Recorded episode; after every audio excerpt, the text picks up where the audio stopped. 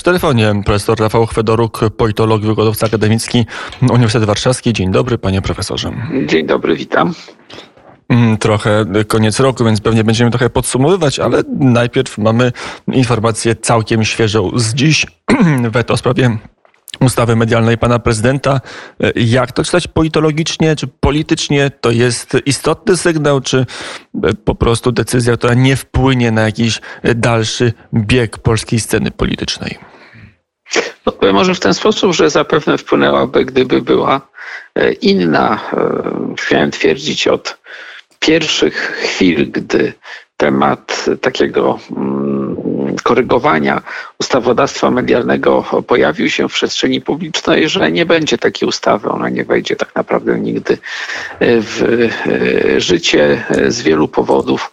Od powodów związanych z polityką międzynarodową przez, mm, przez kwestie mm, e, wewnętrzne i można się było tylko zastanawiać, w jaki sposób temat wygaśnie, czy wygaśnie poprzez takie pojęcie desuetudo, obumieranie prawa w czasie.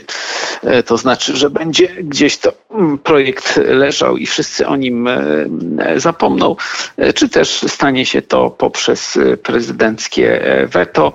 Mm, co do tego, moim zdaniem, że, że ta droga weta ostatecznie została przesądzona, można było domyślić się paradoksalnie 13 grudnia podczas mm, rocznicowego wystąpienia pana prezydenta, wystąpienia, które było takie bardzo radykalne w treści, rzadko spotykane u, u, u głów państwa, w tym, w tym obecnej głowy polskiego państwa, co jak sądzę było taką formą ukłonu w stronę bardziej mm, e, żelaznych, bardziej prawicowych e, wyborców e, obozu rządzącego, a stanowiło zapewne grunt przygotowujący tę część opinii publicznej do, do zupełnie innej, jakby w tonie do decyzji, która, która części właśnie tych, tych, tych wyborców najbardziej zaangażowanych może się nie spodobać.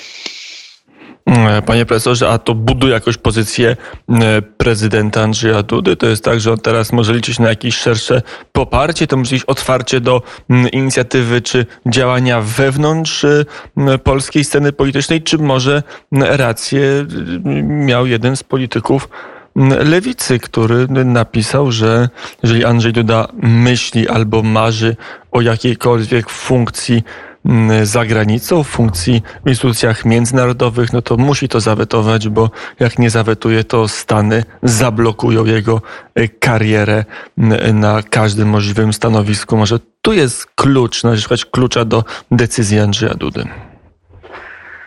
E, w istocie ośrodek prezydencki i, i, sam pan prezydent nie są w sytuacji, w której walka o popularność wśród wyborców w kontekście kolejnej kampanii wyborczej byłaby mm, ich głównym e, celem.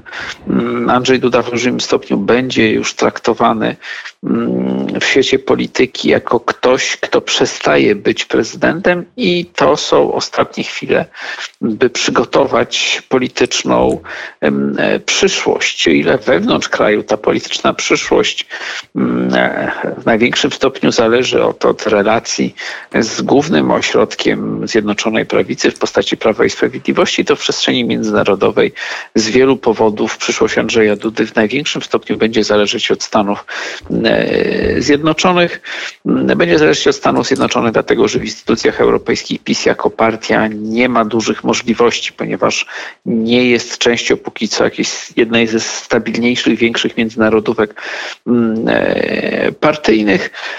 No a Stany Zjednoczone mm, są w stanie zablokować w zasadzie każdą kandydaturę w przestrzeni międzynarodowej do jakichkolwiek ról i to już nie tylko wielkich ról w instytucjach bezpośrednio związanych z polityką, ale nawet do, do ról bardziej reprezentacyjnych, symbolicznych w instytucjach związanych nie wiem, z różnymi federacjami sportu choćby i tak dalej. Zresztą one często są notabene tego typu instytucje, organizacje miejscem, miejscem rywalizacji pomiędzy Stanami Zjednoczonymi a państwami Europy Zachodniej, Rosji, Rosją czy, e, czy Chinami i, i, i ta, ta wypowiedź, jeżeli dobrze pamiętam, chyba Leszka Millera, mm, twarda w swoim, w swoim realizmie, chyba jednak rzeczywiście wskazywała na to, że, że decyzja mm, prezydenta Dudy w tej materii była po prostu decyzją bezalternatywną. Zamknąłby sobie prawdopodobnie na, na zawsze taką, taką drogę. Co więcej, jeśli spojrzymy sobie uważnie na amerykańską politykę nowej administracji, to bardzo wyraźnie można zauważyć problemy, jakie tam się pojawiły, problemy z, z, z stopniowym spadkiem i to bardzo wysokim spadkiem poparcia prezydenta Bidena i wiele działań w przestrzeni międzynarodowej, tak w relacjach choćby z, z, z, e, Rosją, mm, to wyraźne działania ukierunkowane na to, żeby mm, choćby po, po, po kwestii Afganistanu te notowania podnieść. I gdyby wyobrazić sobie taką sytuację, że, że oto prezydent wywodzący się w kategoriach amerykańskich no, z, z, z mocno prawicowej formacji politycznej w Polsce w jakikolwiek sposób e, staje w sprzeczności z amerykańskimi ekonomicznymi i politycznymi interesami, to byłby to idealny moment do tego, żeby, żeby ta administracja niewielkim kosztem mogła pokazać opinii publicznej w Stanach Zjednoczonych swoją, e, swoją determinację. Więc e, tak naprawdę wszelkie dyskusje nad tą decyzją Andrzeja Dudy myślę, że nawet są na swój sposób mm, dyskusjami operującymi na granicach realności, bo, bo moim zdaniem od początku tak naprawdę nic innego zdarzyć się w tej materii e, nie mogło i było formą pewnego politycznego spektaklu. E, to no, odchodząc już od e, tej decyzji na temat weta co do ustawy medialnej, czy też ustawy Lex TVN, do ogólnych refleksji podejdźmy. Rok 2021, rok też niezwykły, pewnie jak rok poprzedniej naznaczony pandemią w polityce. Kto można uznać za Mm, za rok mm, wygrany? Donald Tusk, który wrócił, czy Jarosław Kaczyński, który cały czas był i utrzymał mimo odejścia Jarosława Gowina spoistość koalicji rządzącej i większość w polskim Sejmie? E, myślę, że tak naprawdę był to, był to rok, który nie obfitował w wydarzenia o charakterze rewolucyjnym. Jeśli spojrzymy na mm, Donalda Tuska, to można mówić o jego pełnoskalowym powrocie. Natomiast tak naprawdę był to polityk cały czas obecny w, w, polskiej polityce. Też od początku było jasne, że, że ktoś tak wyrazisty, budzący tyle emocji pozytywnych i negatywnych wśród wyborców, jeśli wróci, bardzo szybko uporządkuje sytuację w Platformie mm, e, Obywatelskiej i jednocześnie owa, owa wyrazistość przesądzała o tym, że jeśli chodzi o balans sił pomiędzy obozem władzy a opozycją to niewiele zmieni. Co więcej, mm, tak jak dla samej Platformy była to dobra wiadomość, to paradoksalnie równolegle mm, było to też korzystne dla obozu władzy, ponieważ przywracało dawny wizerunek politycznego przeciwnika, personalizowało i pozwalało przywrócić różne schematy w, opinii publicznej, ułatwiające konsolidację własnego, własnego obozu, więc pewnie Donald Tusk byłby na liście tych osób, które mogą zaliczyć ten rok do, do udanych, ale nie wiem, czy na pewno powinien taką listę mm, otwierać. Jeśli chodzi o mm, obóz, obóz rządzący, mm, to, to jak sądzę, niekoniecznie tym razem jego prezes powinien być tym, który w największym stopniu może zaliczyć e, minione 12 miesięcy do jakoś szczególnie udanych w jego karierze politycznej, ponieważ mnóstwo różnych kryzysów uderzyło w, w, w obóz rządzący. Myślę, że, że, że w tym politykiem, który pod wieloma względami kończyć będzie ten rok z najbardziej wzmocnioną pozycją polityczną w stosunku tego początku będzie minister spraw wewnętrznych i administracji. Ze względu na to, że chyba tym wydarzeniem, które było najbardziej niestandardowe w minionych 12 miesiącach, a do którego wszyscy musieli się odnieść w polityce, była kryzysowa sytuacja na granicy z Białorusią. I ona oczywiście wbrew, wbrew różnym wypowiedziom nie oznacza jakiegoś zagrożenia o charakterze wojennym i tak dalej. Natomiast było absolutnie bezprecedensową sytuacją, gigantycznym wyzwaniem dla różnych instytucji państwowych, w największym stopniu dla Ministerstwa Spraw Wewnętrznych i Administracji. I gdyby tam cokolwiek e, było dysfunkcjonalne, Gdyby tak jak to się zdarzało przy kryzysach migracyjnych w innych krajach, mm, zawiódł którykolwiek z, z, z, ośrodków związanych z MSWi, a którakolwiek ze służb okazała się dysfunkcjonalna, miałoby to gigantyczny wpływ na cały obóz władzy, na jego, na jego notowanie i podważyłoby jeden z istotnych filarów legitymizacji mm, tegoż, tegoż rządu. Bez względu na to, co będzie dalej, chociaż się ten kryzys już wygasa, ale musimy się przyzwyczajać do tego, że, że, że różnego rodzaju zjawiska związane z migracjami będą nam, nam towarzyszyć. To, to, to, jak sądzę, obecny minister spraw wewnętrznych i, i administracji, jak na skalę wyzwań, to, to, to, to, to, to przetrwał tę, tę, tę sytuację i z całą pewnością wewnątrz obozu władzy wzmocnił e, swoją e, pozycję. A najwięksi przegrani, kto, kto się okazał najsłabszy w tym roku? Szymon Hołownia, który już się szykował, już się mościł w, na fotelu lidera opozycji. Teraz no, ma lekkie odbicia sondażowe, ale już do pozycji lidera opozycji bardzo mu daleko to już tak widać wpisane temu politykowi być blisko zostania liderem, liderem opozycji. Nie, myślę, że nie jest to największy przegrany. To, o czym pan redaktor był uprzejmy mm, słusznie jak najbardziej w tym momencie powiedzieć, to znaczy stabilizacja notowań w końcówce roku zdaje się sugerować, że mm, formacja tego polityka przetrwała bardzo mocnym efekt powrotu Donalda Tuska, oczywiście z olbrzymimi stratami, ale utrzymując w większości sondaży notowania na poziomie dwucyfrowym, a takie notowania gwarantują pewien poziom podmiotowości w polityce, to znaczy ten ruch stanie przed czymś, co, co w polityce jest niezwykle pożądane, możliwością dokonania wyboru. E, gdyby, gdyby elekcja parlamentu odbywała się, się szybciej, to znaczy mogłaby startować sama, mając gwarancję wejścia do Sejmu przy tak wysokich notowaniach, ewentualnie wchodząc w koalicję z Platformą, która rzeczywiście byłaby koalicją, a nie tak jak to się stało w przypadku koalicji obywatelskiej, no po prostu wpisaniem na warunkach Platformy Obywatelskiej na listy mm, słabszego, mm, słabszego podmiotu. Mm, moim zdaniem raczej w większym stopniu to prezes Polskiego Stronnictwa Ludowego, jeśli chodzi o polityków opozycyjnych, może być zaniepokojony minionym e, rokiem.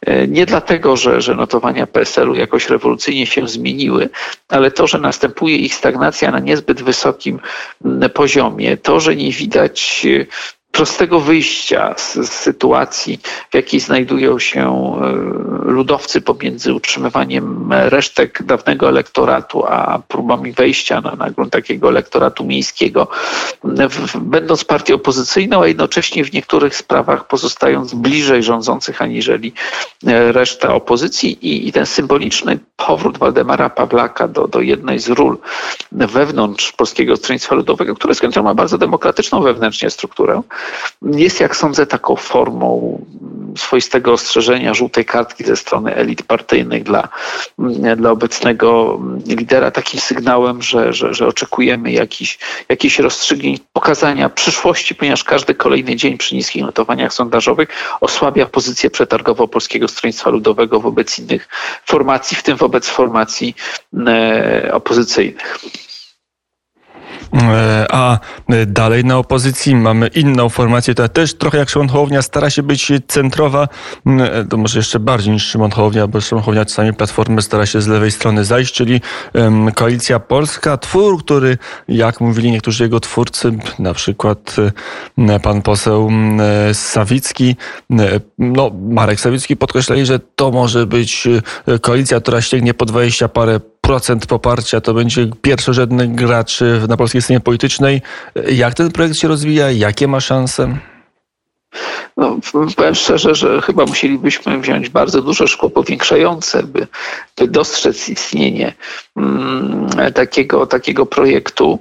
Mm, oczywiście on to gdzieś tam jest y, refleksem y, niedoszłych i wielokrotnie mm, prometejsko wypróbowywanych w polskiej polityce prób tworzenia formacji konserwatywnej, światopoglądowo i liberalnej gospodarczo, dla której po prostu nie ma elektoratu w skali, w skali masowej, a wielu polityków w Polsce, wielu publicystów y, i tak dalej ma takie poglądy, no co jest trochę pochodną lat 80. tego, że, że wówczas olbrzymia część polskich elit uległa pewnej, pewnej fascynacji mm, anglosaskim e, konserwatyzmem.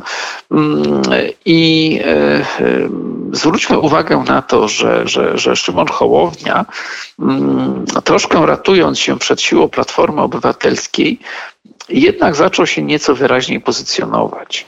E, zrobił wyraźnie krok w stronę liberalizmu, e, zwłaszcza w podejściu do, mm, do gospodarki.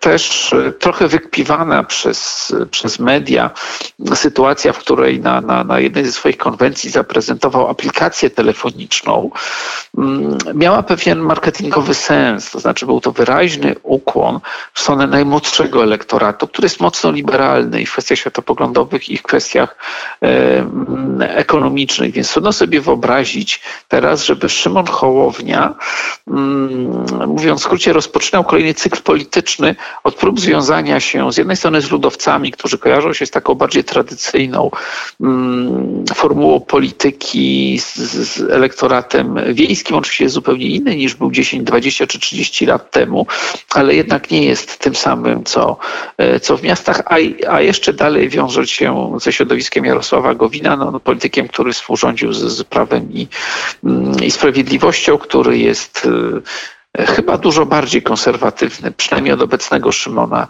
e, Szymona Hołowni i który chyba nieco ograniczał, powiedziałbym, taki popkulturowy sznyt, który Szymonowi Hołowni z całą pewnością wśród najmłodszej generacji wyborców e, pomaga, a to w oparciu trochę o tę generację wyborców Szymon Hołownia mógł ograniczać ofensywę Donalda Tuska, ponieważ Platforma wśród najmłodszych nie jest tak mocna, jak, jak była w pierwszej dekadzie swojego istnienia.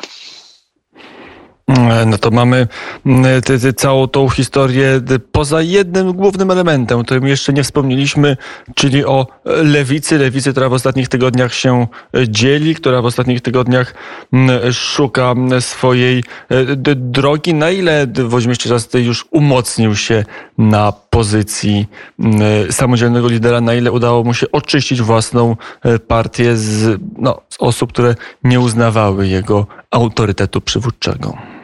No, powiedziałbym, że, że, że jeśli e, e, dla któregoś z, z, z polityków mm, opozycyjny grudzień tego roku był, był bardzo trudny, to z całą pewnością jest to mm, lider byłego SLD i, i obecnej nowej lewicy.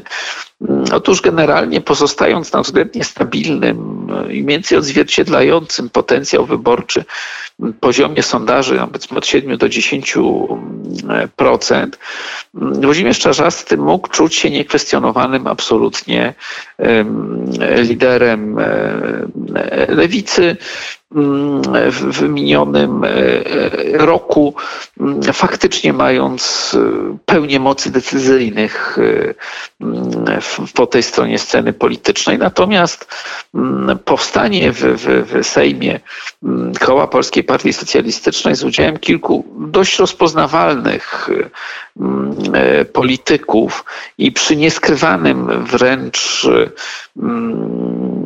poparciu ze strony, ze strony Platformy dla, dla takiej inicjatywy pokazuje, że, że, że walka o to, czy Lewica będzie próbowała samodzielnego startu, czy też stanie się elementem koalicji, w której głównym podmiotem będzie Platforma, wcale się nie zakończyła, a raczej rozpoczyna się kolejny, kolejny etap. To był, to był ruch skierowany przeciwko przywództwu Włodzimierza Żerzastego, bardzo zręczny, tak ze względu na termin, tak ze względu na sposób realizacji, ba nawet sama nazwa automatycznie odejmowała takie problemy natury marketingowej, że trzeba ją nagłośnić, ponieważ jest to nazwa, która rzadko gości w obecnej polskiej polityce, ale każdy z nią się spotyka w podręcznikach do historii Polski. E, więc z całą pewnością samo pojawienie się takiego koła ma, ma niezależnie od obecnych pojedynków w polskiej polityce i, i na lewicy pewien walor edukacyjny, bo, bo, każdy musi sobie przypomnieć, prawda, co to, mm, co to takiego mm, e, było. Natomiast e, to, mm, to pokazuje, że w kolejnym roku Donald Tusk w relacjach z lewicą będzie próbował działań jakby wewnątrz elit, że to nie będzie polityka podobna do tej, którą Donald Tusk prowadził w pierwszych tygodniach po, po powrocie do roli lidera Platformy, a więc docierania do masowego wyborcy poprzez takie proste bipolaryzowanie opinii publicznej i tak dalej. W tej chwili, widząc już jakby granice swoich możliwości w popieraniu poparcia, zapewne skoncentruje się na, na rozgrywkach wewnątrz elit politycznych, a najważniejsza z nich toczyć się będzie wewnątrz lewicy. Najważniejsza dlatego, że dystans ideowy, nawet w polskiej niezbyt ideowej polityce mm, między Platformą a, a, a lewicą jest niewątpliwie dużo większy niż między Platformą a ruchem Szymona Hołowni czy, mm, czy Polskim Stronnictwem e, Ludowym. Wreszcie także lewica ma powody i potencjał trochę większe do samodzielności względem Platformy, aniżeli jakikolwiek inny podmiot opozycyjny. Pomijam Konfederację, bo to zupełnie inna, mm, e, inna sprawa, więc, więc w tym sensie dużo się będzie zapewne w ciągu najbliższych kilkunastu miesięcy e, i, i sytuacja obecnego kierownictwa mm, lewicy e, mocno się skomplikowała, ponieważ to wydarzenie pokazuje, że, że, że nacisk ze strony olbrzymiej części liberalnych elit na lewicę w sprawie ewentualnej jedności będzie bardzo, bardzo mm, silny i, i pokazuje to także, że, że wewnątrz samej lewicy jest jakiś potencjał, jeszcze krąg polityków pewnie w przyszłości ujawnił swoje sympatie, który też bardziej orientowałby się na, na, na szeroką koalicję niż na samodzielną walkę o powiedzmy 10% wyborców. I tu kończymy naszą podróż po scenie politycznej od lewa do prawa na podsumowanie, czy przy końcu roku 2021. To ostatnie pytanie o przewidywanie na rok 2022. Ja wiem, że pandemia, wiem, że drożyzna, wiem, że kryzys ekonomiczny trudno e, przewidywać, ale to będzie jakiś rok przełomowy, bo jest takie podskórne poczucie i wielu komentatorów, wielu polityków także mówi, że obecne tygodnie to jest jakiś moment przełomowy, czy moment przesilenia na polskiej scenie politycznej pan profesor tego typu tezę potwierdzi, czy jej zaprzeczy? Nie, moim zdaniem absolutnie, absolutnie nie. Tak naprawdę gra w polskiej polityce mm, toczy się po pierwsze o to, mm, czy Prawo i Sprawiedliwości uda się zmobilizować porównywalnie do poprzedniej elekcji duży odsetek wyborców mniej zainteresowanych polityką, takich wyborców, którzy w zasadzie we wszystkich kampaniach od 2015 roku przesądzali o zwycięstwie Prawa i Sprawiedliwości. E, tych wyborców nie jest tak dużo, demografia nie sprzyja tutaj rządzącym. Oni są bardzo wrażliwi na, na sygnały, zwłaszcza z rzeczywistości społeczno-ekonomicznej. Mm, są to także z reguły wyborcy dosyć, dosyć umiarkowani w swoich w swoich poglądach. E, opozycja raczej nie jest zdolna pozyskać dużo więcej niż pozyskała we wcześniejszych wyborach, ale jednego może być pewna, że jej elektorat karnie jak zwykle stawi się przy, e, przy urnach. Jako społeczeństwo jesteśmy w miarę trwale podzieleni. Pandemia niewiele w tych podziałach w zasadzie nic, e, nic nie, nie zmieniła, więc myślę, że tak naprawdę będziemy obserwowali ze strony opozycji mm, próby silniejszego zniechęcania wahających się do, mm, do głosowania na PiS ze strony rządzących, no, no krew, pot i łzy, to znaczy mm, doraźne ograniczanie różnych kryzysów, natomiast wiele różnych impulsów może wychodzić z przestrzeni międzynarodowej, bo bardzo wyraźnie widać, że mm, nowa administracja Stanów Zjednoczonych będzie prowadziła bardzo zdecydowaną, bardzo twardą, e, twardą politykę e, w różnych częściach świata, także wobec Europy, o czym przekonuje się wielu polityków prawicy, chociaż tej prawicy bliższej Platformie i PSL-owi w, w Europie w ostatnich miesiącach. Wcześniej czy później to także będzie miało jakiś wpływ na polską politykę. Jaki to jeszcze, mm, jeszcze nie wiemy, mm, ale z całą pewnością e, to też wpłynie. Zresztą wydarzenia z ostatnich dni, choćby właśnie w sprawie rzeczonej ustawy medialnej pokazały, że, że nowa administracja mm, amerykańska, jeśli będzie zainteresowana czymś, to będzie wysyłała bardzo jednoznaczne i bardzo mocne sygnały to też jest... I od tego też jest polska polityka uzależniona. Profesor Rafał Chwedoruk, politolog, był gościem popołudnia. Dziękuję bardzo za rozmowę. Dziękuję bardzo.